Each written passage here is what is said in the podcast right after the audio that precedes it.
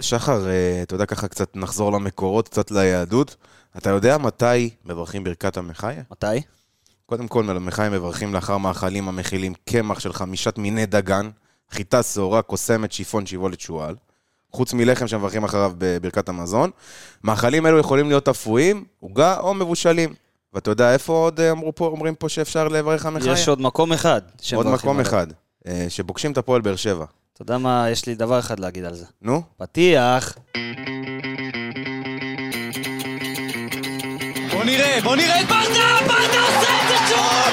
שלוש, שתיים, באר שבע! זה פשוט מטורף מה שקורה פה! הנה שוב באר שבע, בטירוף על השער,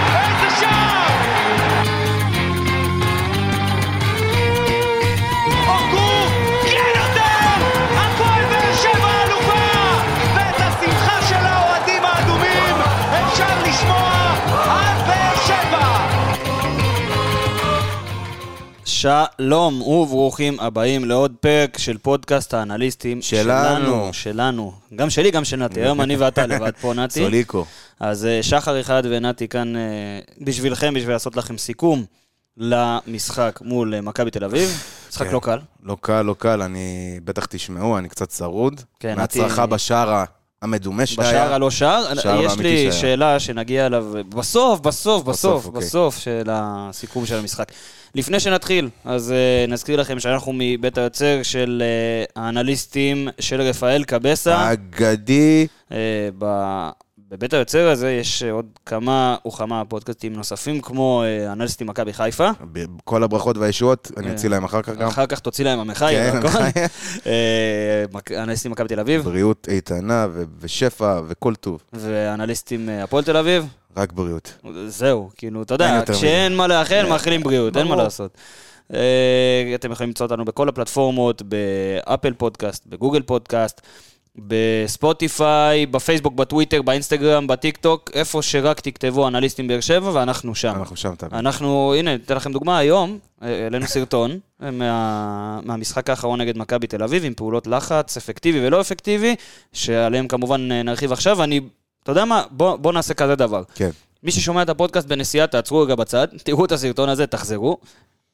יופי, היה להם זמן גם היה לעצור עכשיו, עכשיו, והיה להם את. השנייה לעצור. אה, מי שלא ורואה את זה תוך כדי ולא בנסיעה כשהוא לא נוהג, אתם יכולים ללכת לראות את הסרטון הזה עכשיו, ותבינו זה- על מה אנחנו מדברים. תראו אותו, כי הוא בעצם מספר את כל המשחק הזה. את הסיפור של כל המשחק הזה. באמת בכמה שניות, ומסביר לכם בדיוק למה הפסדנו את המשחק אתמול. טוב, אז רק נזכיר גם על שיתוף הפעולה שלנו עם גולדסטאר, שאנחנו מזמינים אתכם לבחור בכל משחק את, הגולד ואת הסטאר. אני ונתי בדיוק יושבים פה עם שני בקבוקי גולדסטאר אנפילטר. נכון. ואנחנו מזמינים אתכם לבחור את הגולד ואת הסטאר. כנראה שמאתמול זה יהיה קצת קשה, נכון. אבל uh, בכל זאת, יש לך זה איזה? נקודת אור של אתמול, כי אני לא, לא מצליח לבחור, אני חייב להגיד אני לך. אגיד לך את האמת, שום נקודת אור. אתה יודע מה? אולי אחת, רועי גורדנה. היה לדעתך רועי גורדנה רועי גורדנה, אה, אני לא יודע אם הוא היה במשחק טוב, כי אף אחד לא היה במשחק טוב. הוא היה פחות גרוע מהשאר. הוא היה פחות גרוע, ורועי גורדנה הוא רועי גורדנה פשוט. ואני חושב שבלעדיו היינו במצב הרבה יותר גרוע ממה שאנחנו עכשיו. הוא גם ברגעים המועטים, הוא היה זה שניסה לקחת אותך. ניסה לקחת בדריבל, ניסה... והוא, כן, ניסה לקחת אותך לשבור קווי הגנה, גם כשהכל היה תקוע, הוא ניסה לעשות את זה. אז הוא הגולד והוא הסטאר שלי אתמול, כי חוץ מזה אני לא מצליח אני- לחשוב על משהו אני אחר. לעומתך לא, אני כאילו, יכול להיות ש... יש אמת במה שאתה אומר, אבל בעיניי כשאני נותן למישהו את התואר סטאר, זה צריך להיות סטאר, ולא מי הכי פחות גרוע. אבל uh, אני חושב שאני ואתה שוחחנו על זה אתמול אחרי המשחק. Uh, גילוי נאות, אני ושלך מדברים הרבה על כדורגל, פה ושם, אתם יודעים. פה ושם כל פה יום, ושם. ברוך השם. אז אחרי המשחק uh, רצינו לדבר ככה בדיוק על מה, מה לא עבד וזה, ואני אמרתי לשחר דבר אחד, אמרתי לו על בעיית הגישה. הגישה זה אומר שאתמול הקבוצה שרצתה יותר, והיא לא רצתה בהרבה יותר, כן? כי היא גם לא הבריקה בכלל אתמול, אבל הקבוצה שרצתה יותר ועלתה יותר מחויבת, יותר אגרסיבית, אה, ראשונים לכל כדור. אני ספר, אני לא, שוב, איבדתי כבר את הספירה, אבל כל כדור ריבאונד, כל כדור אה, שני, כל כדור שניתז ממגן, אה, כדור עובד, לא יודע מה, מכבי היו ראשונים אליו, ושם התחיל ונגמר המשחק, ובגלל זה הפסדנו. ואני חושב שאם אתה מסתכל בטוטל על המשחק, לא הגיע לנו גם תיקו. מה שהיה עם השופט בסוף, וזה, שוב, אפשר לקחת את זה לאלף כיוונים, אבל בסופו של דבר, אם אנחנו היינו משחקים כמו שצריך, לא היינו מדברים היום על השופט, ולא היינו מדברים על שום דבר, וזה הכל. אז אני מסכים איתך. ואחרי ששלחנו אנשים לראות את מה שהעלינו בפייסבוק, אפשר להרחיב על הנקודה הזאת. כן. היה לי יתרון עליכם. מי שהיה במגרש, מי שראה את ההתחלה, את, בטלוויזיה מההתחלה, הייתי בעבודה וחזרתי בדיוק למחצית שנייה. מה עשיתי? אגב, עשר דקות רבע הראשונות היו יחסית בסדר. נכון, עכשיו, מה עשיתי בשביל אה, לכפר על הפער הזה? הקלטתי את המשחק. וידעתי מה התוצאה, שמעתי אותו גם ברדיו דרום אה, בדרך הביתה. כמובן שזה לא משתווה לי למראה עיניים. וישבתי אחרי שנגמר המשחק, ישבתי וראיתי את המחצית הראשונה. המחצית השנייה, אני אתחיל מהמחצית השנייה, כי זה מה שראיתי, ש- את ה... אתה יודע, ישר כן. כשהגעתי, ראיתי הפועל באר שבע שמחזיקה בכדור באזורים לא אזורים. מחזיקה בכדור אה, בלי אפקטיביות. לראיה, אתה בעטת פעם אחת לאזור המשוער, כמו שאורי אוזן אוהב להגיד, אבל לאזור המשוער. זאת אומרת, לא למסגרת, אפס בעיטות למסגרת במחצית השנייה, כשעלית עליה אחרי חילופים וכשאתה בפיגור 1-0. חילופים, ו- ובפיגור, ואתה צריך לחזור, אתה- אתה צריך- אתה צריך להעלות את רמת המשחק שלך, כי אתה בפיגור. אפס בעיטות למסגרת במחצית דבר. השנייה. מה עשיתי אחר כך? ישבתי וראיתי את המחצית הראשונה, כי אמרתי, אין מצב שזה הסיפור של המשחק הזה. ואז התגלה לי הסיפור של המשחק. הפועל באר שבע, לא הפועל באר שבע, מכבי תל אביב ניסתה לבנות בבילדאפ, התקפה, 36 פעמים במחצית הראשונה. ב-17 מהפעמים, 35 פעמים, סליחה. ב-17 מהפעמים הפועל באר שבע לחצה. לחץ אפקטיבי, וכשאני אומר לחץ אפקטיבי, אני מתכוון לא לחץ של שחקן שמלווה בלם או קשר אחורי או מגן של מכבי תל אביב כשהוא עם הכדור, במרחק 2-3 מטר ונותן לו לעשות את מה שהוא רוצה. עיין ערך, יוג'ין אנסה ושי אליאס בשער של מכבי תל אביב, ונגיע גם לשער הזה, וואי, כי זה היה נוראי. שערורייתי. שערורייתי. אני ראיתי לחץ אפקטיבי 17 פעמים. מתוך הכמות שמכבי תל אביב, 35 פעמים שמכבי תל אביב ניסתה לבנות. כמה פעמים מכבי תל אביב איבדה את הכדור כשלחצת בלחץ אפקטיבי? 14 מתוך 17 פעמים. ב-18 פעמים שלא לחצת את מכבי תל אביב, אתה יודע בכמה פעמים מכבי תל אביב איבדה את הכדור? אף אחת. אף אחת, אף לא פעם אחת. זה הסיפור של המשחק מבחינתי, חד כי משמעית. במחצית הש- השנייה, כל הנתונים האלה במחצית הראשונה, במחצית השנייה לא עשית שום דבר שמתקרב למשהו שאתה מצפה לראות מקבוצה שרוצה לצמצם פער, לא משנה באיפ, באיזה מקום בטבלה, קבוצה שצריכה להשיג נקודות כדי לצמצם פער, גם אם זה ממקום אחרון לאחד לפני אחרון, גם אם זה ממקום אחד לפני אחרון מעל הקו האדום, וגם אם זה מקום שני למקום ראשון. קבוצה שרוצה לצמצם פער ועולה למחצית השנייה ובועטת אפס בעיטות למסגרת, לא כולל השער לא המוזר ראויה להגיע שנפסל, למקום הראשון. לא ראויה לעלות למקום הראשון, והמחצית הראשונה היא הסיפור. כי כמו שאמרת קודם, מי ש... אני לא אוהב להגיד, אה, מכבי תל אביב רצתה יותר, כולם רוצים, אבל אתמול, זה היה נכון. כשרצית ללחוץ ב-17 פעמים, לחצת ב-14 מהם, לקחת, או שמכבי תל אביב איבדה כדור והכדור עבר אליך, נכון. לנסות לפחות לבנות התקפה. וב-18 פעמים שלא לחצת, אחת מהן היא הגול, ועוד אחת זה, אתה יודע, שעוד משהו שהיה מוזר, זה הייתה לך פעולת לחץ טובה אחת, באזור דקה תשע דקות וחמישים שניות, משהו כזה. הרווחת כדור, הכדור חזר לעומרי גלאזר, הוא שחרר ללופס, שאיבד את הכדור, בסדר, היה עליו לחץ. על החזרות אחורה יש גם מה להרחיב. מאז היה פוזיישן של פלוס מינוס דקה וחצי של מכבי תל אביב, דקה וחצי שמכבי תל אביב מניע כדור ושחקני באר שבע מלווים את השחקנים של מכבי תל אביב, וזה נגמר בקרוס של דוד זאדה ובכמעט גול בהזדמנות הראשונה של יובנוביץ'. לפני השער הראשון. וזה היה שערורייתי. עכשיו אנחנו נתחיל, לפני שנעבור שחקן-שחקן, אני רוצה שנעבור על, על באמת מה קרה לפי אירועים במשחק. אוקיי. אנחנו התחלנו את המשחק וראינו כדור ארוך ליוג'ין אנסה כצפוי. וזה כמעט הסתיים בשער. כמעט שעה. כמעט הסתיים בשער של מגן. אבל זה תמיד עובד לדקה שתיים הראשונות, אתה שמת לב. נכון, כי בדקה שתיים הראשונות שוב, הקבוצה בלאגן. עוד לא הסתדרה, הבלמים של מכבי תל אביב פתאום לוקאסן הכי ימני, פתאום אחר כך הוא החליף לבלם אמצעי, אה, שמאל, הוא החליף את המקומות שלו, הם עוד לא סגורים, ואחר כך זה כבר לא עובד, כשהקבוצה מסודרת. וזה היה קרוב להיות שער אה, מוקדם, ראשון, ואנחנו זוכרים שערים מוקדמים בבלומפילד, כולנו זוכרים את הגול של אה, ברדה נכון. אז ב- 2015? 2015. 2015, בדצמבר 2015. לא אשכח את המשחק הזה בחיים. בעונה של האליפות הראשונה. כן, ו- והלחץ של... אה, לחץ, כדור ארוך לאנסה, הוא הצליח לעבור שם את לוקאסן, הצליח להעביר כדור לרחבה, דדיה, שנגיע אליו כשנדבר על אה, שחקן-שחקן, היה לא טוב אתמול, בלשון המעטה. בלשון המעטה, בדיוק. בלשון המעטה הוא היה לא טוב אתמול, ו... וזה לא נגמר בשער, ומשם ראינו כבר את סיפור המשחק הזה. כי אנסה יצא ללחוץ כחלוץ בודד, אבל הוא היה מאוד מאוד מאוד רחוק משאפי ופאון. ומהדקה הראשונה ראית שוויטור לא כשיר. אין מה לעשות. כן, היה לו קשה. וההזדמנות של אה, יובנוביץ' אה, היא הייתה רק הפתיח לבא. ו... ושוב, עוד, ו- עוד פעולות ועוד פעולות. שמיר שלא היה מורגש וקיבל צהוב סתמי, ו... ו- והדבר שהכי עצבן אותי ב... במשחק הזה, עם כל הכבוד לכל הדברים האחרים, היה השער. כי אני אתאר לך פה את השער ו... ותאשר אותי. אני ראיתי בדיוק מה, מה, מה אתה, קרה. אתה ראית בדיוק, אז בגלל זה אני אומר, תאשר אותי, כי כולם ראו מה קרה. באר שבע עברה ללחוץ, עברה לתבנית אה, הגנה של 4-4-2. כשפאון בעצם מכסה את אה, צד שמאל, אה, לפני לופז, ושאפי מצד ימין, שני קשרי אמצע, ומי שיצא ללחוץ ביחד עם יוג'ין אנסה, ללחוץ במרכאות, זה שי אליאס. ושי אליאס ויוג'ין אנסה פשוט ליוו את לוקאסן, ופשוט ליוו את סבורית, מה זה ליוו? ואז... השקיפו. ואז, בגלל היציאה הזו של אה, אליאס, שזה לא היה כנראה הכי מתואם, כי ראו גם את פאון, פתאום חוזר לקו של שלוש בהתחלה, כאילו עברת, אחרי שהכדור של סבורית עבר את השחקן הראשון, עברת כאילו ל-4-3-3. איך זה הגיוני? לא הגיוני. אתה, זה לא הגיוני בשום צורה. עברת ל-4-3-3 הזה, מה שבעצם השאיר את ג'רלדש חופשי לגמרי, כי פאון לא סגר אותו. לופז נגרר, ל... ובצדק, לאמצע. הוא צמצם לאזור יובנוביץ', שהיה על הגב, עם הגב שלו, על מיגל ויטור, שיחק על הגב, ובגלל שאליאס יצא, גורדנה נמשך קדימה, מה ששחרר את פרפגו יגון, שהעביר כדור לאותו ג'רלדש, שלא סגר אותו פאון. וג'רלדש היה חופשי לגמרי ברחבה, כי גם לופז לא הספיק לסגור, כי מה לעשות, הוא היה צריך גם לבוא לעזור לסגור את יובנוביץ', כי אתה תמיד צריך יתרון מספרי של פלוס אחד, ומשם ספגת, 1-0.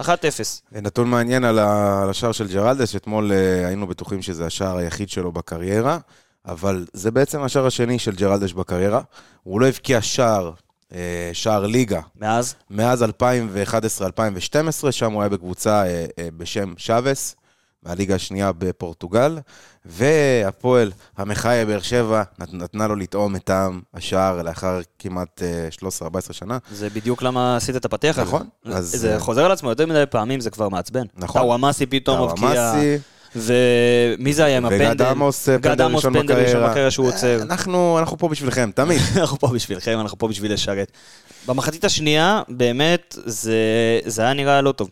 כי אנסה, ראית אותו פתאום מתחיל תנועות ועוצר אותן אנסה באמצע. לא אשם, אבל בכלום. אנסה, אנסה לא אשם במשחק של הפועל באר שבע, אבל הוא אשם בפעולות האישיות שלו. וכשיוג'ין אנסה בהרבה מאוד מחלקים, עד, עד דקה 53, שזה כולה שמונה דקות מפתיחת מחצית שנייה, ספרתי פעמיים, בזון שלוש, שרוצים למסור כדור ליוג'ין אנסה, אבל התנועה שלו, כאילו הוא מתחיל אותה קדימה ומיד אחר כך בורח אחורה. עכשיו, יש את התנועה הקלאסית של השתחררות מבלם שחלוצים עושים, זה לא ככה. זה לא ככה, הוא פשוט שבר את הכיוון תוך כדי ששחקן מוציא אליו מסירה. פעמיים רק מדקה 53.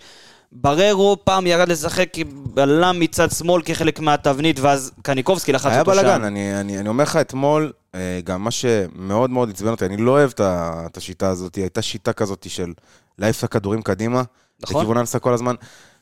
בוא, זה לא... זה לא מתאים לקבוצה, בהפועל, לקבוצה כמו הפועל באר שבע, שנאבקת על אליפות מול מכבי חיפה, פער ארבע נקודות.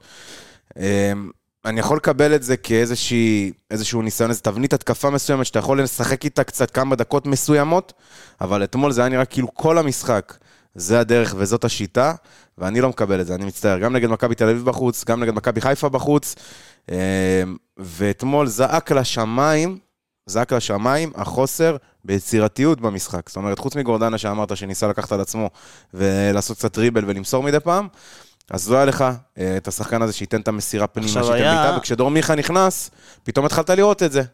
עד- קודם כל, דור מיכה לא פתח אתה יודע על איזה סיבה מסוימת, פציעה או משהו כזה? לא. החלט- החלטה טקטית נטו. כן. כי אני לא, לא, לא שמעתי אין באמת. שום דבר. חיכיתי לשמוע, אולי הייתה איזה פציעה, אולי עכשיו כשאין חימום. לך את ספורי וזה, אתה חייב שחקן כזה בהרכב, מצטער. נכון. עכשיו, אתה דיברת על אה, דור מיכה ועל יוג'ין אנסה, והיה אפשר לראות, זה, אני לא יודע אם לקרוא לזה תבנית, אבל לפני ששכטר נכנס, הייתה, היו כמה התקפות, שמכבי תל אביב כן די, בפעמים הנדירות שהיא ניסתה לעשות את זה במחצית השנייה, ניסתה לצאת קדימה. וכשהיא ניסתה לצאת קדימה, אז ראית את באר שבע, נגיד, חוטפת כדור באזור החצי מגרש, והכדור ישר עובר לדור מיכה, כי צריך מישהו יצירתי, ובצדק. אבל אז קרה משהו מאוד מעניין. אנסה וחתואל שיחקו בהרבה דקות במחצית השנייה כשני חלוצים. שני חלוצים, נכון. שני חלוצים ביחד. עכשיו, זה היה, מצד אחד, דיברנו. על זה שזה לא עובד כבר. זה לא עובד, אבל אתה יודע, זה איפשהו נכון, כי מכבי תל אביב עם שלושה בלמים, אז אתה רוצה שני חלוצים כן. על שלושה בלמים, אני יכול להבין מאיפה זה מגיע. אבל מה, אני לא יכול להבין מאיפה זה מגיע? דור מיכה קיבל כדור, מה זה קיבל? קיבל חטף, מה, זה משנה? במעבר. באופציה למעבר. מה עשו אנסה וחתואל? שניהם ישר ברחו לצדדים. חתואל שמאלה, אנסה ואנסה ימינה. וזה השאיר לך את. דור מיכה עם אופציה לתת לאף אחד. כי נגיד, וגם אם אנסה ברח ימינה ולקח איתו שחקן, וחתואל ברח שמאלה ולקח איתו שחקן. יופי, קודם כל, אבל זה עובד כשיש לך מישהו בשפיץ, עוד מישהו. קודם כל, זה עובד, ש... אתה צריך מישהו למסור, למסור אליו. כן.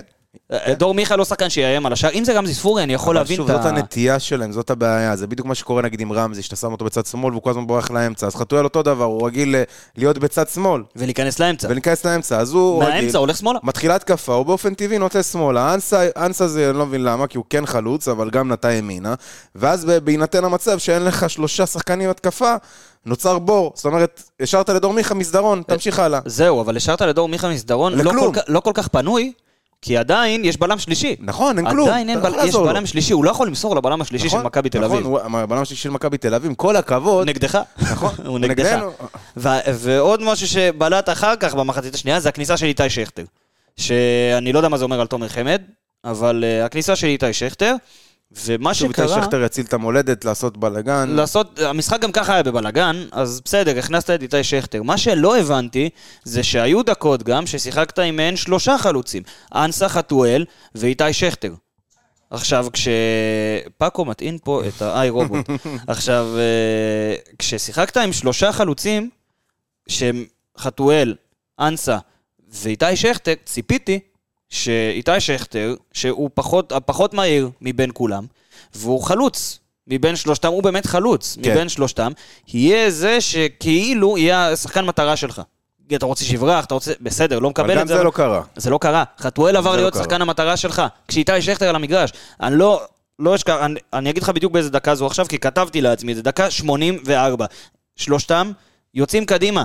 יוצאים קדימה, ומי מוביל כדור? איתי שכטר. עכשיו, אני מבין שאנסה קשה לו טיפה מבחינה טכנית, אני מבין אותו, הולך, ירוץ, מהיר, לפתוח שטח, מקבל. חתואל מוביל כדור הרבה יותר טוב מאיתי שכטר.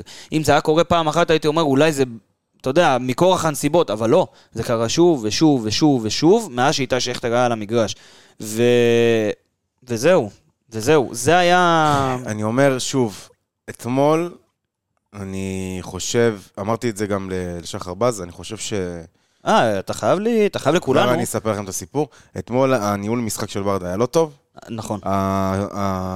האנרגיות שהקבוצה עלתה איתנו אתמול היו לא טובות, והיה נראה, הש- השחקנים אתמול היו נראים מבולבלים לחלוטין. וכאילו הם לא ידעו מה, מה רוצים מהם במגרש, שזה, אני לא יודע אם נשים את זה, אני לא יודע מה קורה באימונים, אני לא יודע אם זה קשור לאליניב, אני לא יודע אם זה קשור לשחקנים שאתמול היו ככה לא, עם הראש לא במקום. אבל uh, אני חושב, אגב, על, דיברנו על שי אליאס מקודם, שי אליאס כבר במשחק שלישי לדעתי, משחק לא, משחקים לא טובים. אתה יודע... אבל אני, אני יכול לקבל את זה, כן, הוא לא יכול להיות כל השנה טוב, אני, בסדר? אני, קודם כל, אני ממש אבל- נבהלתי אתמול, כי ראיתי את שיילס במשחק לא טוב, ואז בררו נכנס ותפס את הרגל בדקות האחרונות, והייתי אני חושב שזה היה בטוח. קצת יותר פאניקה מאשר... אני חושב שזה שחקן שחזר מפציעה, וזה היה כן. פאניקה. אז זה קרה עם גורדנה, אגב, אני לא יודע אם אתה זוכר, נכון, שהוא נכנס נכון. התחיל לבכות, חשב שהוא קרא עוד פעם את הרצועה. זה הגיוני גם, אני כן. חייב להגיד. כן. ו... ועדיין, אני... היה לי קשה לראות את זה אתמול, למה גם? כי הפועל באר שבע הייתה עם אפס מסירות מפתח. אפס ניסיונות למסירות מפתח. עכשיו, הפועל באר שבע. היא מקום שלישי בליגה בניסיונות למסירות מפתח, ומקום שני בליגה במסירות מפתח מדויקות. אתה קיבלת אפס מסירות מפתח אתמול. לא ממיכה שנכנס, ולא מפאון, ולא משאפי, ולא מחתואל, ולא מאף משחק אחד. גרוע, משחק גרוע משחק אתמול של כולם. לא אני- טוב. אני לא, באמת לא יודע מה להגיד. אגב, אה, אמרתי, נשאל אותך כבר בפרק, למה הוציאו את שפי במחצית? אני לא יודע. אני יכול לא יודע. להסביר לי? אני חושב שבאמת שפי הוא שחקן שצריך מגן... הוא לוקח תשומת לב. קודם כל, הוא לוקח תשומת שני לב, כן? שחקנים, אתמול כל פעם שהוא הגיע לצ- לצד שמאל נגד דוד שני זאדה, שחקנים היו עליו. מגיע גלאזר לעזור לדוד זאדה, שניים עליו. הנה, כבר נפתח לך איזשהו משהו באמצע. משהו באמצע. אז למה להוציא את השחקן הזה? עכשיו עזוב, למה? אני, אני יכול... אלא אם כן היה משהו בריאותי סיטואציה, או או בוא אני אתאר פציעה. לך סיטואציה שהיא די הגיונית. אם נפתח לך, נגיד אה, שפי בצד ימין, ובאים אליו אה, גלאזר בא לעזור, ומכבי תל אביב משחקת עם שלושה בלמים, היא אומרת, טוב, אני יכול, אני יכול לשלוח בלם אחד אה, קדימה, שיעזור ויסגור את האמצע, את החור של שירדן גלאזר. כן. זה הגיוני, וזה כן, יכול כן, לקרות. כן. אבל, אבל אז, אתה יכול לשחק עם חתואל ואנסה שניים על שניים. בדיוק. ולא לא השתמשת בזה. ואני חושב, אני באמת חושב, שהפועל באר שבע אתמול הראתה את מה שדיברנו עליו בפרק האחרון, כשהתייחסנו לשאפי. ולמה אני מתכוון?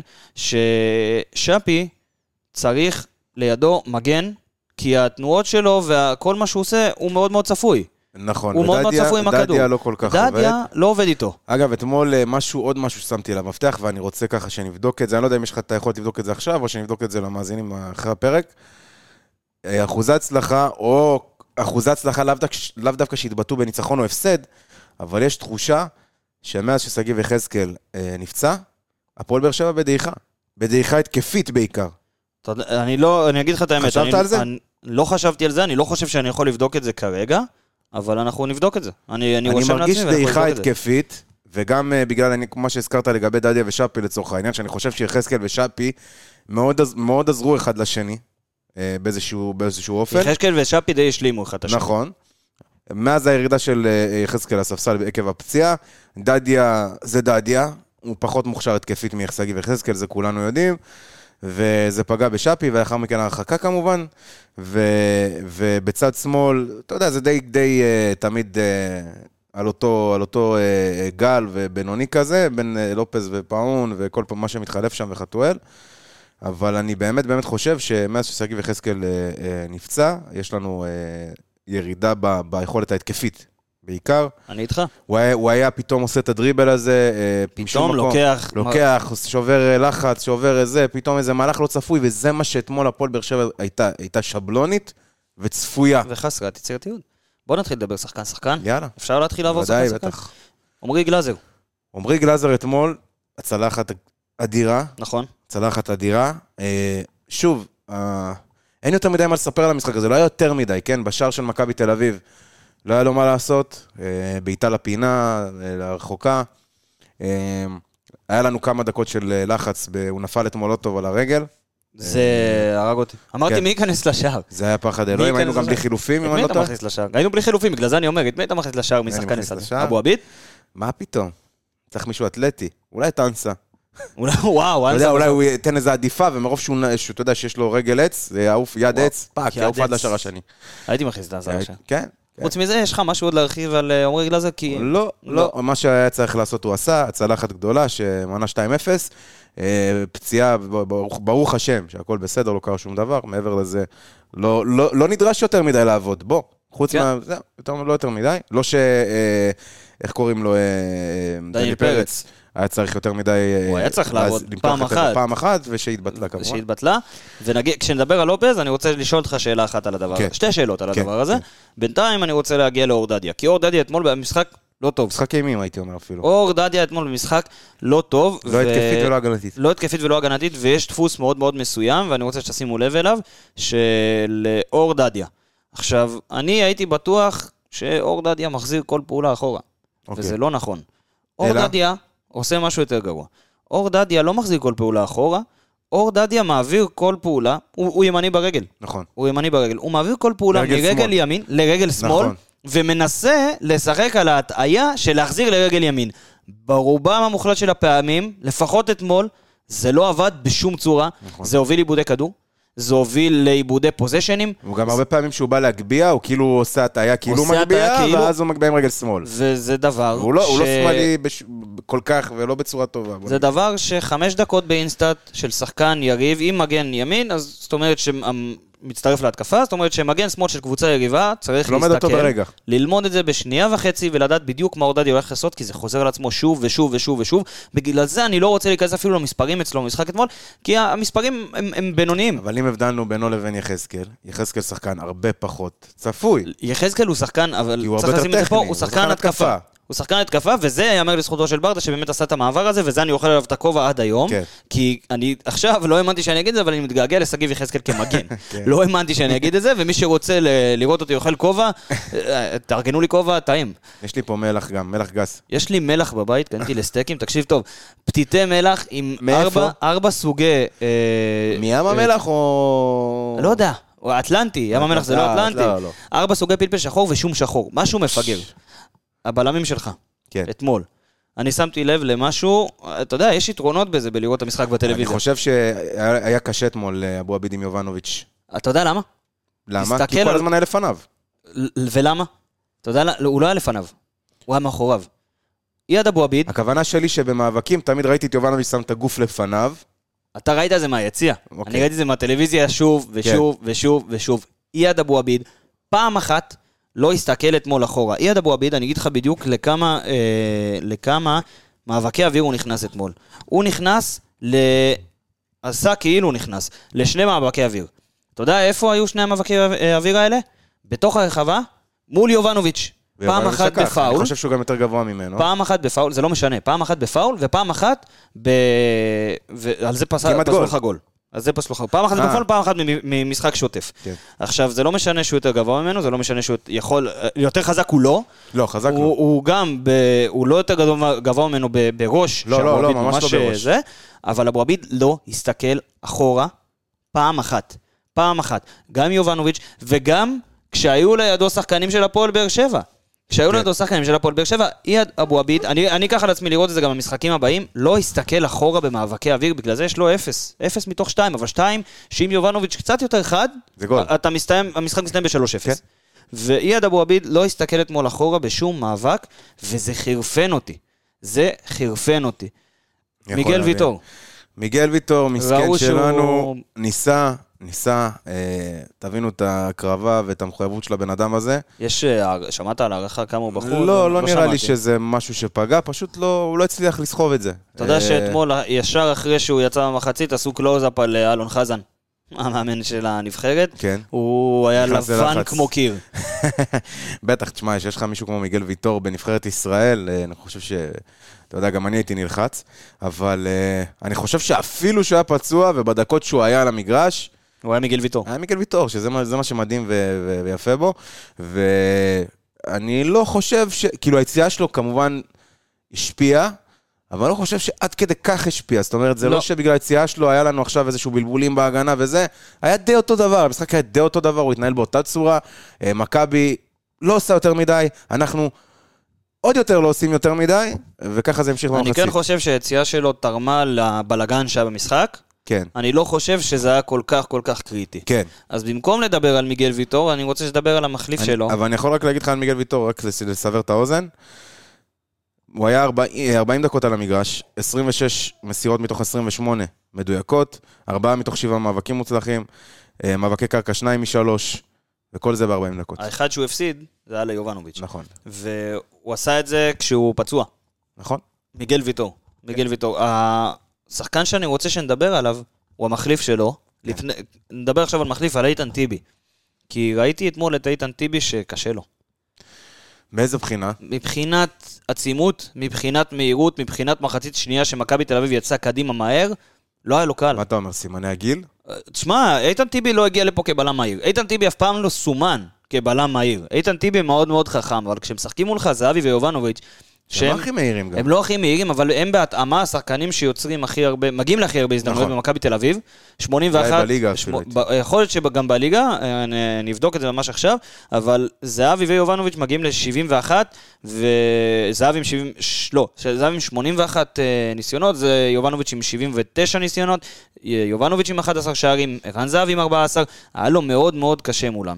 כן. עוד שחקן שהוא מחליף והוא ייכנס גם לכאן, זה מריאנו בררו, כי מה לעשות, עשית אתמול חילופים במחצית, והוא נכנס, הוא, אתה יודע מה?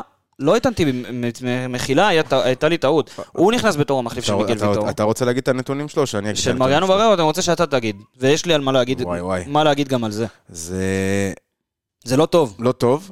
אה, אם לכתוב מסירות, בסדר, 31 מ-36, שזה נחמד, אבל מריאנו בררו, אני חושב שההיילייט שלו, כשאתה חושב על מריאנו בררו, אתה רואה אותו לא עושה איזה גליץ', או איזה מאבק, ולא- וזוכה בו בקלות.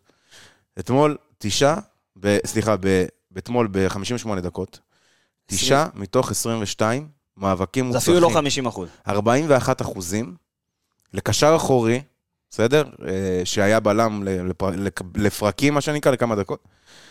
וזה זה מוזר. אני חושב אתמול, זו הנקודה האם שרציתי... זה נובע מהפחד שלו על הפציעה? האם זה לא, נובע לא. מחוסר כושר? אני חושב שזה נובע מבלאגן. קודם כל, אתה יודע מה? גם, יכול להיות שמחוסר לכושר משחק. עכשיו, בוא, מחילה, הוא היה מחליף של אה, איתן, אה, של אה, מיגל ויטור. מיגל ויטור, ואז איתן טיבי נכון. נכנס, וקרה מה שקרה. אבל מריאנו בררו נכנס כבלם, ביקשו ממנו לתפקד כקשר אחורי עם, עם עוד שחקן לידו, אחר כך כקשר אחורי בודד, כפליימקר אחורי, כל הדברים האלה, אותו, כן. זה היה, אתה יודע, אתה מדבר על עקביות שאתה רוצה לראות בכדורגל.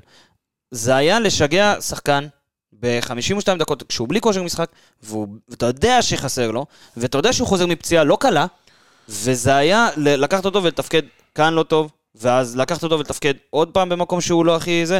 אתה יודע, זה, זה היה משחק לא טוב של בררו, והוא גם, הוא צריך לקחת איזה אחריות על המשחק הלא טוב שהיה לו, אבל זה לא תירוץ לקחת ולהשתמש ב- בשחקן שמרינו היה טוב ויכול להסתדר בכל עמדה, לא. מרינו בררו, יש לו את החוזקות שלו, יש לו את החולשות נכון. שלו. מסכים ו- איתך. ו- אז שוב, אז, אבל, אבל. שוב, תראה, ירדנו לרזולוציה, דיברנו, סליחה, דיברנו מקודם על המשחק ככללותו ועל המערך ועל הכל, אבל הנה, שוב, אתה יורד לרזולוציה של שחקן, לשחקן, לא ל- לכל הקבוצה, ואתה אומר, בלגנו לו את המוח. אז אם זה שחקן אחד, אחד, אז מה קורה ל-11, ל-11 שחקנים, ל-16, ל- ל- וכל- כולל כל- חילופים. כל החילופים, כל מי ששיחק על המגרש, הוראות משתנות כל דקה. משהו אתמול, לא יודע, משהו אתמול... לא- היה לחוץ. היה לחוץ. היה ו- לחוץ. וזהו, זה מה שרציתי לשאול אותך, זאת, זאת, זאת גם שאלה. אנחנו מדברים פה המון על נתונים ועל בעיטות ועל הכל וזה, אבל אני חושב שיש איזושהי בעיה מנטלית להפועל באר שבע. אנחנו מגיעים, תשים לב, אנחנו מגיעים, מרחק נגיעה מכבי חיפה, אתה מגיע לבאר, כושלים. לבאר ולא. שותה. בדיוק, כושלים, נופלים, הרגליים, הרגליים קצת לא עובדות. יכול להיות שצריך לעבוד עם הקבוצה גם בפן הפסיכולוגי, אבל זה כמובן... נשאיר אה, למנטליסטים באר שבע. בדיוק. אתה רוצה לקחת את זה על עצמך? אין לי בעיה. לא, ניתן למני. אני אקח את פאקו איתי, תיקח את פאקו. ניקח אותו איתי, נעשה להם ככה סיבוב איתו. אני יכול להביא את. תיאגו סילבה גם. תיאגו סילבה. אני לא ממליץ לקחת את תיאגו סילבה לטיול. זה הכלבים שלי. פאקו נעבור ל- אסטרן ותיאגו סילבה. כן, נעבור ללופז, כן. ולפני שנדבר על המשחק של לופז, אני רוצה לשאול אותך שתי שאלות. כן. אחת שלא קשורה למשחק שלנו בכלל, וכולם יודעים שהשאלה הזאת תגיע, כן. ואחת שקשורה לגול, שלא היה. אוקיי. השער ה- המוזר של מכבי חיפה באשדוד, בפינה שאי אפשר להשתמש בה בVAR ובקווים. הקווים, הקווים. כן, אני כל המשחק, כן. אגב, צעקתי לשופט שלא ישכח את הקווים, שלא ישכח את. הקווים. והשער של מכבי חיפה באשדוד, אתה יודע, לא מופרך להגיד שמכבי חיפה יכולה גם לנצח משערים כאלה. ודאי. ו- כי מכבי חיפה היא קבוצה טובה יותר מאשדוד, מכבי חיפה היא קבוצה. יותר, טובה יותר מרוב הקבוצות בליגה, גם כשהיא ביכולת לא נכון. טובה. ולא רחוק היום, שמכבי חיפה, נגיד ואשדוד מזה עולה לפלייאוף אה, עליון, ואתה שומר על הפער ממכבי חיפה, ואפילו מצליח לצמצם את הפער לנקודה. ו... ואתה מגיע למשחק, שאתה, אם אתה מנצח, אתה עולה למקום ראשון, ומכבי חיפה שוב משחקת בי"א, כמובן שלא ישנו שם את עבר, ולמכבי חיפה מאשרים שער בלי אה, קווים. בלי קווים. כי בלי זה קווים. בדיוק מה שקרה במשחק עם השער של דיה סבא. עכשיו, הפעם הם די ניצלו, אפשר להגיד, כי הם הפסידו. כן. אם הם היו מנצחים והפער היה הופך לשבע, נכון. כי אתה לא נכון, הצלחת... נכון, אגב, זה- אתה יודע מה? אמרתי את עזוב. זה כמה פעמים, אמרתי, אם- השער לא, לא היה משמעותי בפ- בפעם הזאת, אבל הוא יכול להיות משמעותי אה, ליחס שערים אפילו. נכון, עכשיו אני רחוק. רוצה לשאול דבר כזה, את כל מי שיש לו יד בדבר, מכבי חיפה, הפועל באר שבע, איגוד השופטים, איגוד המעודדות ב- בליגת העל לכדורסל. לא אכפת לי, כל מי שיש לו יד. וחצי יד. איך לעזאזל במשחק אחד, שיכול להכריע עונה שלמה, יש קווים? כי תיקו אתמול מאוד משמעותי, זה מצמצם לך את הפער למשחק אחד ממכבי חיפה. נכון. ובמשחק אחר, שגם הוא לא פחות משמעותי, גם לאשדוד דרך אגב, אין שימוש במערכת קווים אחרי שוואר עובד ארבע שנים במשחק אתה ראית את הזה. השידור, אתמול מתחו קווים? אתמול מתחו קווים. עכשיו, אני, שוב, אמרתי לך, אני חושב שאתמול, הבעיה שלנו לא הייתה שופט, בסדר? כמובן לא, ש... לא. כמובן שאם לא היה עבר, כנראה שהיינו אתמול יוצאים עם תיקו, אבל אה, האם איתן טיבי באמת השפיע על המהלך? אני לא יודע. אז שמע, איתן טיבי היה בנבדל. לא, אין- על אין זה אין ויכוח, ספק, זה אין ספק. איתן טיבי היה בנבדל. אני ראיתי שהבלם של מכבי נגח את הכדור לשער שלהם. הוא, הוא לא הכי נגע בזה, אבל כאילו הטענה אומרת שאיתן טיבי היה שם, הפריע לו לעלות לגובה והפריע לו להרחיק את הכדור.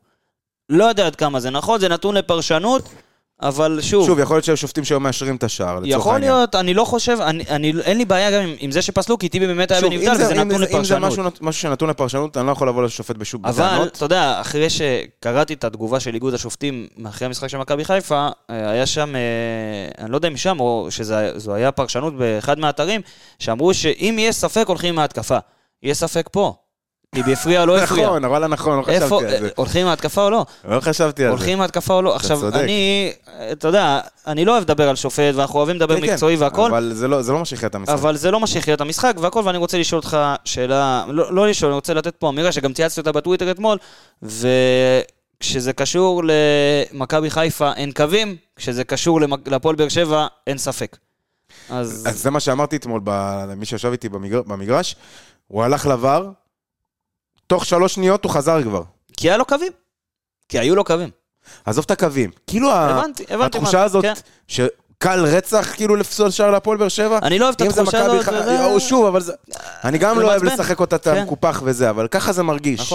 זה מה אתה מרגיש. חושב על המשחק של לופז, אה, בלי קשר לגול המוסר הזה אה, שם? לופס גם, משחק לא טוב. משחק לא טוב. תשמע, עזוב, משחק לא טוב היה אין לכולם. מישהו לדעתי שאתה יכול להגיד על המשחק. כן, משחק לא טוב היה לכולם. מה שראיתי אתמול זה שהפועל באר שבע בכוח ניסתה להניע כדור, במיוחד על אגפים, גם כשמריאנו בררו שיחק כבלם שלישי בצדדים, גבי קניקובסקי ישר היה שם לקפוץ עליו, ולופז גם הוא, לחצו אותו טוב מאוד.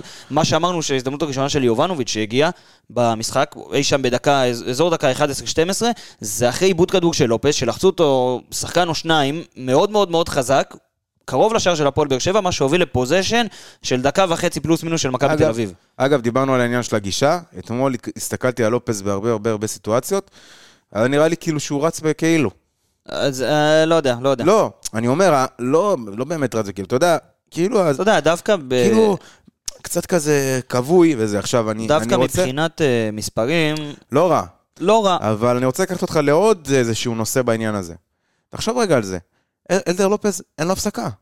אין הוא משחק. בלי הפסקה. אין לו הפסקה. עכשיו, אחד, זה עניין של כמובן שחיקה וכושר גופני, ו- ופתיג, מה שנקרא, זאת אומרת, אה, אה, אה, אתה יודע, אה, עייפות ו- ומהמשחק- מיותר מדי משחקים וכאלה.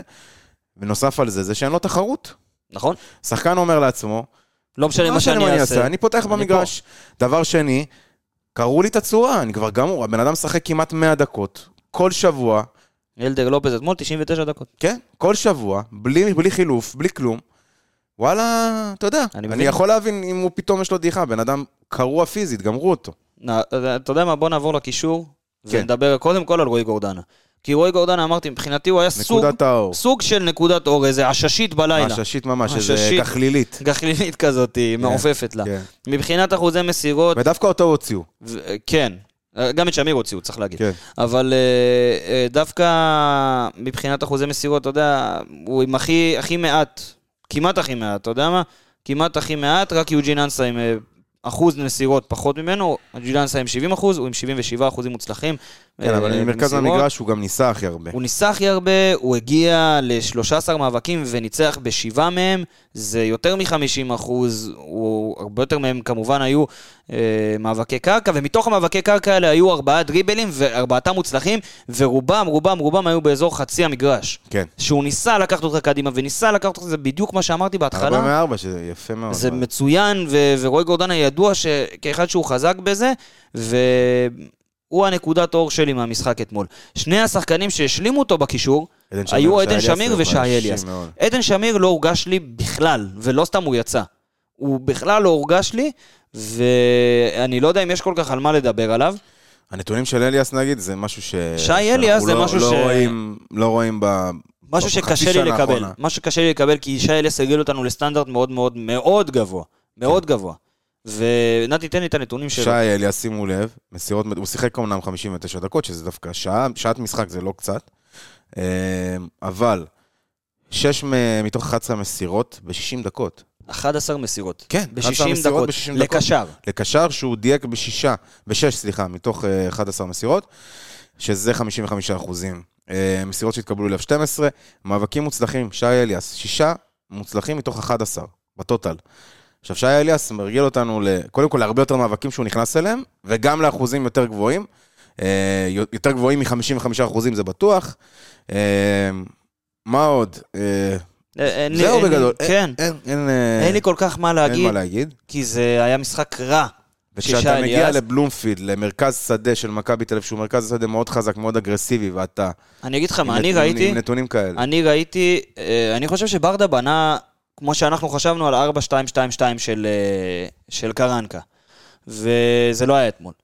קרנקה עלה עם אמצע של שלושה שחקנים, זה היה, האמצע לפחות היה סוג של תמונת מראה. כן. והאמצע שלך הוא על הנייר, הוא כנראה יותר חזק, אבל גם האמצע של מכבי תל אביב, בהובלת דן גלאזר אתמול, שהיה מצוין. דרך אגב, ניר ביטון דומה לטאבור מהספור. נכון. זה כתוב לי פה, אז פשוט הייתי חייב להגיד את זה, זה, זה, זה וואו, מדהים. ו... ו... איפה הייתי? אה, ב... באמצע של מכבי תל אביב. דן גלזר הוביל אותם למשחק טוב מאוד באמצע, דור פרץ שנכנס הוסיף גם כוח אחר כך, קניקובסקי גם לחץ מצוין, ו... והאמצע שלך, היית צריך לראות אגרסיביות שם. ברדה בנה על, לדעתי לפחות, לדלג על הקישור. על לדלג על הקישור. כי הוא ראה שיש תמונת מראה. אם, אם המצב היה שיש לך יתרון של שחקן כמו שהיה אה, צפוי, בוא נקרא לזה ככה, אז, אה, אז אתה יודע, אולי הייתי מבין את זה, על, אה, על האמצע ועל החוסר אה, תגובה כן. של שחקני אמצע, לא, לא של ברדה דווקא, של שחקני אמצע עצמם, חוסר השתתפות אולי של שמיר או משהו והכל. אבל הניסיון לדלג על שחקני אני קישור, לא זה. כי לא. הייתה תמונת מראה, זה לא טוב, זה פוגע במשחק, ומוציא מוציא לך מהמשחק את שחקנים כמו שמיר ואלה שאתה חייב אותם בשביל לנצח. עכשיו, ההרכב היה, כשאני ראיתי את ההרכב, היה, אמרתי הרכב טוב. כי הייתי בטוח שאתה יודע, שפי ייקח על עצמו את היצירתיות, ייכנס מהאגף לאמצע בדריבל, כמו שהוא תמיד עושה, ו... ואז יהיה לך את חתואל, אה, חתואל ואנסה, והאמצע שלך יעמוד חזק. זה לא קרה. וכשהאמצע שלך לא עמד חזק, מכבי תל אביב במיוחד במחצית השנייה יצא פעם אחרי פעם אחרי פעם. מחצית השנייה זה לא המקום להעביר ביקורת על אליאס ועל שמיר, כי בקושי שיחקו, אבל גם במחצית הראשונה, אה, מה שמסכם את המשחק של שוב, אליאס מבחינתי... לא עבר דרכם הכדור, לא עבר דרכם הכדור, אבל אני לא מדבר רק על זה, אני מדבר איתך גם על אה, הגנתי, אנחנו דיברנו, כן? כמובן. ש... זהו, בדיוק. מה שהנקודה הכי בולטת ומסכמת את המשחק של אליאס מבחינתי, זה השער של מכבי תל אביב, כי זה היה נרפה. וכשאתה אומר נרפה. על שחקן כדורגל, זה לא טוב. הוא יצר בור שמה, שהבור למעשה גרם דומינו. ללופז, גרם ללופז למשוך לצמצם. לאמצע, וג'רלדש, המפקיע המחונן, שלא הבקיע מ-2012, הגיע שם מהאגף, ואתה יודע, אם כבר הגעת לג'רלדש, נדבר על מי שהיה אמור לשמור עליו בשער הזה, שזה פאון. נכון, ופאון מה עשה? איפה הוא היה? פאון עבר להיות כאילו חלוץ שלישי בקו של 4-3-3 נכון. בהגנה.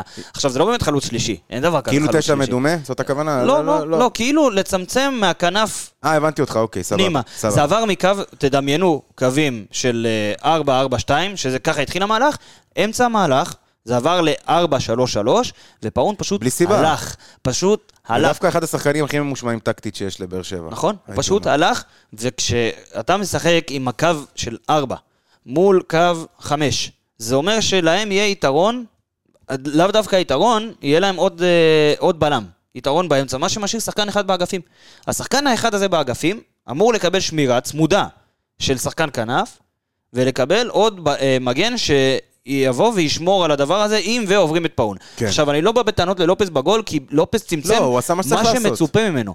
אבל אני בא בטענות לפאון, כי לא אכפת לי המספרים שלו אפילו אתמול, אתה יודע מה? כי הוא היה מאוד חלש. לא אכפת לי אפילו המספרים שלו אתמול. פאון בגול הלך. וכשהוא הלך, ג'רלדש כאילו אמרו לו, קח אחי, תתקדם כפרה, בוא כנס לי לרחבה. בכל זאת, אם אתה רוצה אה, מספרים של אה, אלכסנדרו פאון, אני חושב שזו פעם ראשונה העונה, ותקן אותי אם אני טועה שהוא מש- משלים משחק מלא. זהו, הוא השלים משחק מלא, וזה די הפתיע אותי גם אתמול אה, ב- במשחק, אני חייב להגיד. הנתונים דווקא אתמול... רעים. לא רעים. הנתונים דווקא אתמול לא רעים. בגלל זה אמרתי, לא אכפת לי מהנתונים שלו אפילו. הסתכלתי על הנתונים קודם ואמרתי, הנתונים נראים טוב, אבל המשחק... עמידה טקטית לא מודדים. לא, בדיוק. עמידה, אתה יודע מה, אולי נפתח איזה... בוא נעשה איזה, נוסיף איזה סעיף. נדבר עם אינסטאט. כן, אה, כן, זה יכול להיות נחמד. זה כן. יכול להיות נחמד. והיו לו אה, שבעה מאבקים מוצלחים מתוך אה, עשרה. והכל בסדר, זה, זה נחמד וזה יפה על הנייר, ושלושה חילוצי כדור, אבל כשהיו צריכים אותו הוא לא היה שם. וכשהיו צריכים אותו מבחינה יצירתית הוא לא עשה את זה. וכשהיו צריכים אותו מבחינה הגנתית, שוב, לא היה שם. וזה גרם לך לספוג. ובמשחק הזה מספיק פעם אחת ליפול, למרות שנפלת הרבה מאוד פעמים, נכון. ויצאת די בנס, רק ב-1-0, ולא במשחק גדול של מכבי תל אביב, ופאון היה במשחק רע. כן. לשני האחרים אה, יש מה להתייחס אליהם בנפרד, לחתואל ואנסה? אה, כן, אני חושב שכן. כי אתמול אה, אנסה היה, הרגיש לי כאילו כמו איזה, לא יודע, הוא היה בודד, הרגיש איזה בודד כזה, בתוך אי, באי מבודד. שחקנים, כמו שאמרת, רחוקים ממנו, לפעמים באשמתו, לפעמים בשחק... באשמת השחקנים האחרים, הייתי אומר. ולכן, אני חושב שנתייחס אליהם בנפרד. אני חושב ששוב, כשאנחנו מדברים על אנסה, זה מזכיר לי את הכדורים קדימה הזה. זה לא תוכנית משחק בעיניי, אני לא אוהב את זה בכלל. זה שוב, יכול להיות... אמרתי, זה אה, יכול להיות משהו לפרק זמן לפתיחה. מאוד קצר, או לפתיחה, כן, כמו שאמרת. לא יכול לקבל את זה כתוכנית משחק של קבוצה מובילה בליגת העל. לא יכול לקבל את זה, זה מוציא אותי מדעתי, זה מרגיש לי כמו קבוצה קטנה. אני אני מצטער. חושב לא שיוג'ין יודע. אנסה הוא שחקן שמאוד אה, נבנה על אה, משחק שהוא מעברים. וכשאתה נבנ- אה, של בונה על... קבוצות קטנות, מאיפה שהוא בא, מקריית שמונה, מרעננה, ממקומות כאלה. אז אה, כשהוא בונה על, על משחק מעברים, אני לא חושב שהפועל באר שבע צריכה לבנות מילא, על הוא היה יודע להוביל משחק כדור, מעברים. הוא היה יודע לקבל כדור ולעשות איתו משהו. בגלל זה אני אומר, לא יוג'ין. אנסה הוא די בנוי משחק מעברים, אנחנו רואים את זה כל דקה ראשונה בפרק. וכשאתה רואה את זה כל דקה ראשונה בפרק, וזה כל פעם עובד בדיוק לכמה דקות, עד שהקבוצה השנייה מסתדרת, זהו. זהו. אה, אה, אתה, בגלל זה אני אומר, שווה לך לפתוח עם שחקן שנותן לך שתי דקות במשחק? לא. קשה לו להוביל כדור, קשה לו לעצור כדור, קשה לו למסור. קשה לו לבעוט. קשה- קשה לו לבעוט, קשה לו להגיע למצבים, קשה לו להיכנס לתוך הרחבה. קבלת החלטות, הייתה לו איזה בעיטה אתמול, עם רגל שמאל. עם רגל שמאל, שהוא העיף. אותה לאזור שדדיה ושאפי בערך העיפו את. הכדורים שלהם. אה, לא יודע. לא יודע. אה, תראה, מבחינת הנתונים שלו אתמול, XG היה לו 0.18, אולי של הבי- זכר לבעיטה שעד היום כנראה באוויר. עד היא- אתה עכשיו. יודע, את זוכרת את הכדור של רמוס ב-2012? בפנדל, בפנדל, כן. ביירן מינכן? יש מצב שהיא שם. שהיא עדיין שם, כן. יש איזה פלנטה של כדורים שעפו, אה, כולל זה של רמי אליהו מהגמר שלנו. ושל רוברטו בג'ו. נכון.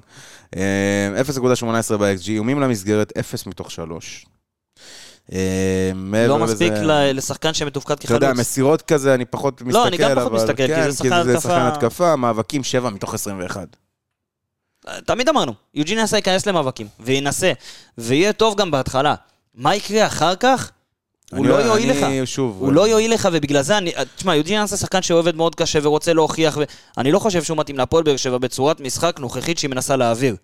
אם אתה מנסה לשחק על מעברים... אתמול מה שהיה לנו גם, זה הרבה פחות תכלס, הרבה פחות מדי תכלס. מה זה הרבה פחות מדי? תכלס, אתה עלית, שוב, אני אחזור לנתון הזה, אתה עלית בפיגור למשחק שאתה יודע שאם אתה מנצח או עושה תיקו, אתה מצמצם את הפער, גם אם לא לנקודה, למשחק משחק אחד. אחד.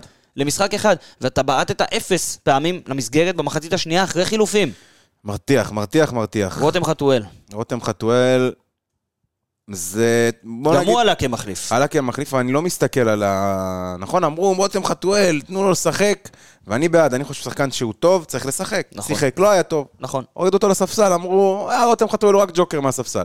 עלה אתמול מהספסל, גם לא עשה יותר מדי. אפס מאבקי קרקע, אפס דריבלים חתואל, מוצלחים, שבעה עיבודי. כדור, אפס חילוצי כדור. אפשר להגיד את זה וזה בסדר להגיד את זה. רותם חתואל נמצא בתקופה לא טובה. רותם חתואל זה לא אותו שחקן שכל מה שנוגע בו נכנס לשער, אבל זה, זה, יש לזה כמה פרמטרים. אחד, הצורת משחק של הקבוצה, זה אחד.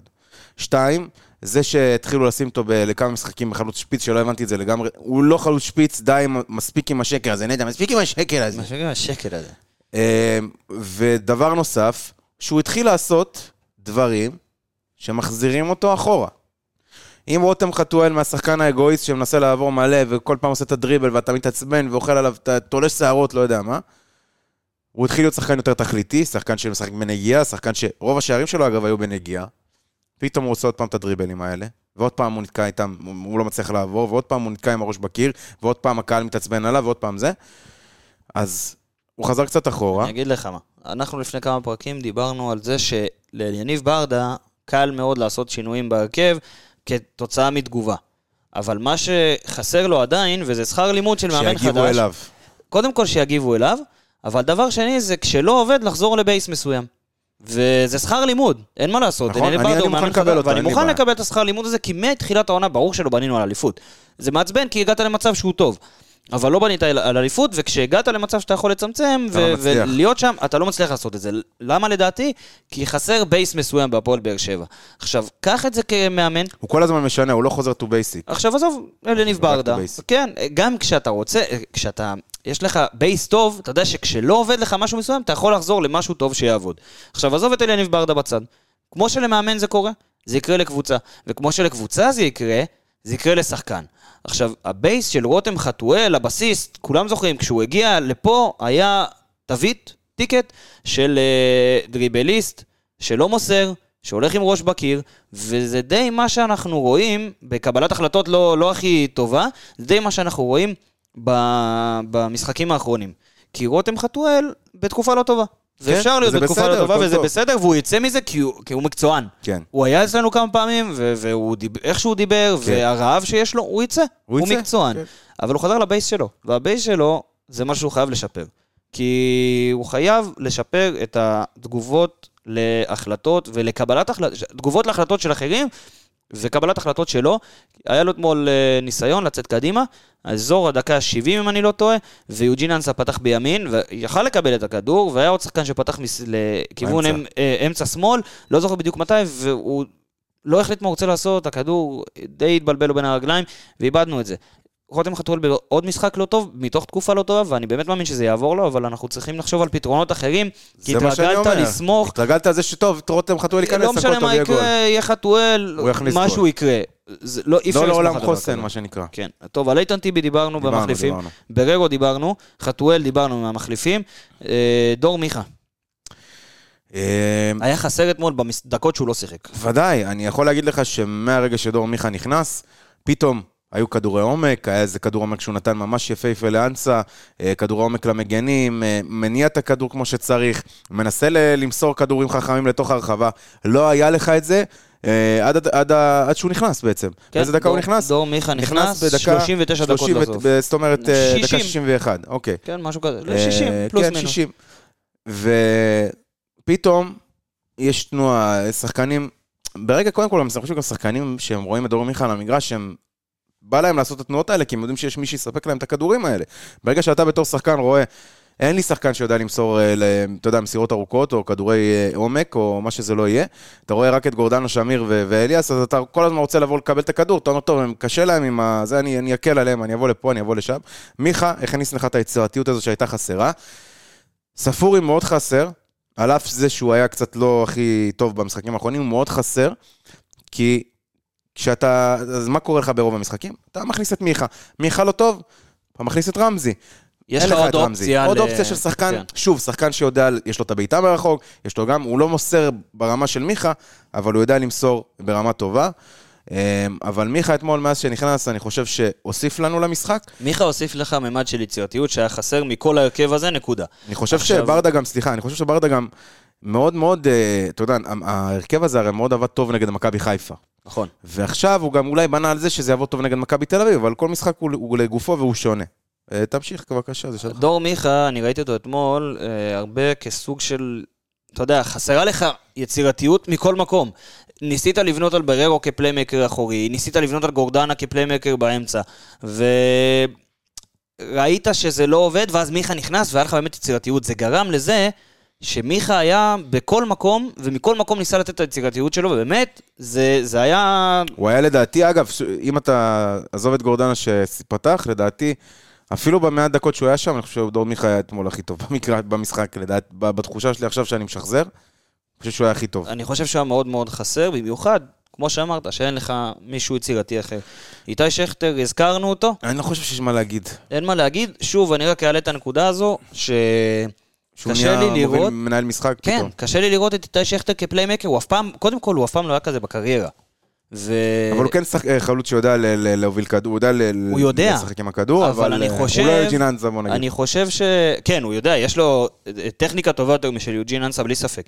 אבל אני חושב שהיה עדיף לראות, אם כבר השארת אותו, את חתואל ואת אנסה על המגרש, אז היה עדיף לראות את חתואל, נגיד, בהרבה מאוד פעמים, אה, יהיה זה שמוביל את הכדור כששכטר הוא שחקן מטרה. וראית, אה, בדקה באמת האחרונה, כששכטר היה בתוך הרחבה, כמעט קיבלת פנדל. נכון. עזוב היה, לא היה, זה גם מאוד פתוח לפרשנות, כי המרפק, המרפק לא באמת אה, קרוב לפנים שלו, שכן היה, ו... אה, לא יודע מה הפנדל, זה פתוח לפרשנות, הספק אמור לא ללכת עם משנה, יכול להיות ההתקפה, שאם זה זה לא שחקן אמור. אחר, זה יכול- היו נותנים פנדל, אבל שכטר. ישר מניחים שהוא עושה התחזות, זה בעיה כן. שסטיגמה שנדבקה לו אצל יכול להיות, אני לא יודע מה היה פנדל, אבל ראית שכשהוא היה שם, קרו דברים. כשהוא היה במרכז המגרש, קרו דברים במרכז המגרש, שכטר הוא, הוא מוקד לדברים שיקרו, אין מה לעשות, הוא מגנט. אבל אתה רוצה אותו בתוך הרחבה. אני נכון. רוצה, שכטר, כל הקריירה חלוץ. אני רוצה שכדור יפגע ברחבה, אני רוצה שיפגע בו ולא באנסה. אני רוצה נכון. שאני, לא, אתה יודע מה, גם בחתואל אני רוצה שכדור יפגע ברחבה. נכון? אבל אני רוצה ששניהם יהיו שם, וכשאם אני צריך לבחור מי מוביל כדור, כשאני יוצא למעבר, אם זה חתואל, אנסה או שכטר, אני רוצה את חתואל מוביל את הכדור הזה. בהחלט. סיכמנו את כל השחקנים, סיכמנו את כל השחקנים, אני חייב לך סיפור הרי, לא? חייב לך סיפור על. ל- לכל המאזינים. סוף של פרק. נכון? אז אה, לי ולשחר בז, אתה יודע, אה, אנחנו אוהדי בול באר שבע שרופים, ורצינו לנסוע כמה פעמים ביחד למשחק, נסענו פעם אחת לסמי עופר, אז שהפסדנו, אה, אה, בעונה שעברה זה היה, אני אה, חושב 2-0, אה, נסענו לסמי עופר, וכמובן שחטפנו שם בראש, כמו שאנחנו תמיד לא הולך שם במגרש הזה. אמרנו, טוב, קורה, סמי עופר, זה לא קשור אליי ולא לשחר בז, נכון? אתה יודע, זה בכל זאת, סמי עופר לא הולך לנו שם. אה, טוב, עוד משחק, אמרנו נלך, יאללה, סבבה. באנו למשחק האחרון נגד מכבי חיפה בסמי עופר, ששיחקנו מעולה, המשחק הכי טוב שלנו העונה, וקיבלנו 2-0. טוב, לא נורא, מה, מה לעשות? זה מכבי חיפה, זה? סמי עופר. יאללה, לוקחים את האוטו, נוסעים לבלומפילד, כשאתה בכושר טוב, מכבי תל אביב לא בכושר טוב. אנחנו ארבע נקודות ממכבי חיפה, אה, עם משחק אה, עודף, צריכים, מנצחים, אנחנו מגיעים לעד כדי נקודה, עושים תיקו, מצמצמים למשחק אחד, כיף גדול, נוסעים בדרך, מתכננים את השוואמו של, הח, של החזור, בברקה, והכל טוב ויפה. מתחיל המשחק, מקבלים את השער המעצבן הזה, מגיעה הדקה, זה היה 93, 4, איזה דקה זה משהו הייתה? כזה. נכנס לשער, תקשיב, קודם כל אני צרחתי שם כמו שלא צרחתי בחיים שלי, אני לא יודע, בקושי אני מצליח לדבר, יש לי לפעמים בריחות של ילד בר מצווה. ופתאום הייתה שם התפרצות רגשות, תקשיב, שלא הייתה כזו מאז האליפות הראשונה, אני אומר לך שבכר ולא זוכר מי העוזר שלו אז, נוסבאום, לא זוכר, לא נוסבאום, אה, אה, לא מימר. צרפת, מימר. לא התחבקו ככה. אני ושחר דפקנו חיבוק. שמע, אני אומר לך, יצא לנו, אתה יודע, אה, אתה מכיר את הדומון אכפת לי, יצא לנו... אה, כן, הלב החוצה. הלב החוצה עם, אה, אתה יודע, עם קשת בענן כזה, משהו מטורף. ו- וצרחות, ואישה אישה מבוגרת לידי, זה, אתה יודע, היא עוד שנייה התעלפה מההתרגשות. ואז ביטלו את השער. ואנחנו חשבנו שהוסרה הקללה, אבל הקללה לא הוסרה. ואני רוצה להגיד, הקללה היא אתה ושחר בז אני מחוברים. ושחר בז מחוברים, משהו שם לא עובד. אני חושב ש... יותר מזה, במשחק האחרון שהיינו בסמי עופר, הוא הדביק אותי, ב... הוא היה מקורר, הדביק אותי בשפעת, הייתי בשפעת שבוע, ולא הייתי חולה איזה עשר שנים. אז uh, אני ושחר בז החלטנו שלפחות עד סוף העונה אנחנו מפרידים כוחות, וננסה לחדש את הזה, שזה אולי אולי- להסר את הקללה. לכו לטיפול זוגי בסוף. העונה. או שראיתי שגם יש את המעשה של הפועל באר שבע, שזה מעשה אחד שהם הולכים אליו, שגם מסיר אה, עין הרע. כן? כן, אולי נלך אליו גם, אולי אתה יודע. בשעות הפנאי, כדי להשלים הכנסה, אני עובר עם מרווה בין בתים, ואני... אתה יודע?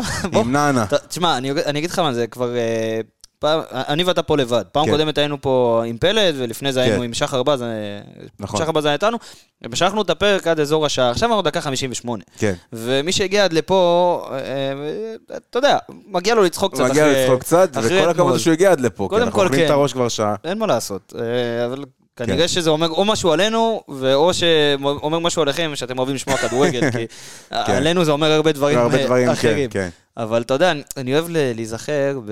אתה יודע מה, אני עושה עכשיו, פותח מסורת. כן. בסוף כל פרק מדברים על משהו שלא קשור. trash talk. trash talk שלא קשור לפרק. אני אני מת על אוריאל צמח. אוקיי, כן, הבן אדם מצחיק. מטורף, כן, הוא כן. קופירייטר של אלוהים לדעתי. כן, אבל אה, הוא הוא העלה של אה, קונספירציות כדורגל, ואני מת על זה. מת כן. על קונספירציות כדורגל. זה כמו שנגיד תומאס מולר בן 33 כבר עשר שנים. זה נכון. זה, זה נכון. אלון חזן בן 46 כבר 40 שנה, ומאז שהיית ילד. מאז שהייתי קטן. כן, ו... זה עבר הרבה זמן. ואוצ'ואה כולנו מכירים, ו... והכל, והוא העלה היום אה, עוד, עוד קצת כאלה. לי. נגיד סימאונה תמיד לובש שחור.